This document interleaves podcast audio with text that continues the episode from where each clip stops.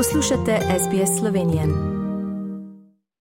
Jazen pozdrav, spoštovani rojaki. Na tisoče bodočih študentov in dijakov se je v petek in soboto udeležilo informativnih dnevov, ki jim bodo olajšali izbiro študija oziroma srednje šole v naslednjem šolskem letu.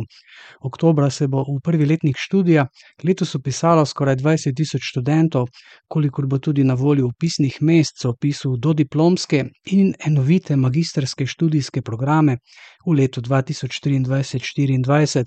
V primerjavi z lanskim študijskim letom se povečuje število upisnih mest na področju kemije, kemijske tehnologije, dentalne medicine in prava, na poziv vlade pa tudi število mest na področju psihologije. V dveh epidemičnih letih so informativni dnevi letos potekali v živo in ne v virtualni obliki. Dijaki četrtih, pa tudi tretjih letnikov srednjih šol so tako v živo dobili odgovore na vprašanja, kakšni so pogoji za upis, kako poteka študij in delo na fakulteti in kakšne so zaposlitvene možnosti. Prav tako so lahko prvič pred študijem stopili tudi v prostore ustanov, ki bodo v naslednjih nekaj letih njihov drugi dom. Osnovno šolo v letošnjem šolskem letu zaključuje 21 tisoč učenk in učencev, ki bodo kandidirali na skupno več kot 25 tisoč upisnih mest na srednjih šolah.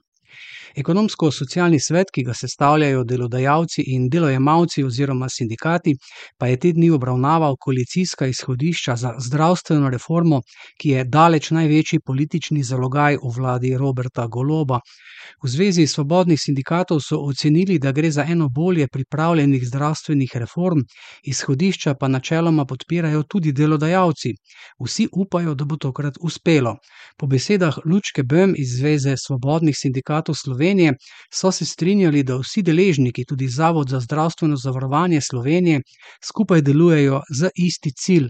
Ta zajema skrajšanje čakalnih dob, ohranitev neokrnjene košarice pravic iz obveznega zdravstvenega zavarovanja in izboljšanje organizacije v zdravstvu s pomočjo digitalizacije.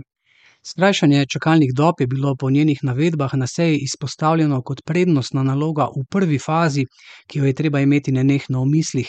Izhodišča za reformo, ki jih je socialnim partnerjem predstavil za minister za zdravje Daniel Bešič Loredan, imajo v svojem središču skrb za posameznika.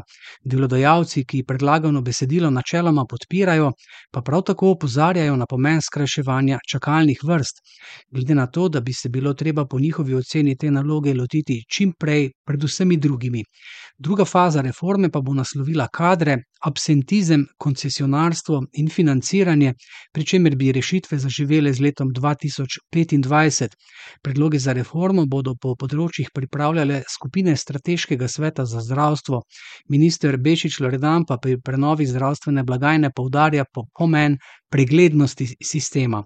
Za vsak evro vložen v zdravstvo je treba po njegovem opozorilu natančno vedeti, zakaj je bil Rabiu Porablin.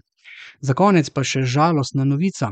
V petek je v vrhniki v podjetju, kjer izdelujejo pirotehniko, odjeknila tako silovita eksplozija, da so jo zabeležile celo potresne opazovalnice po vsej državi.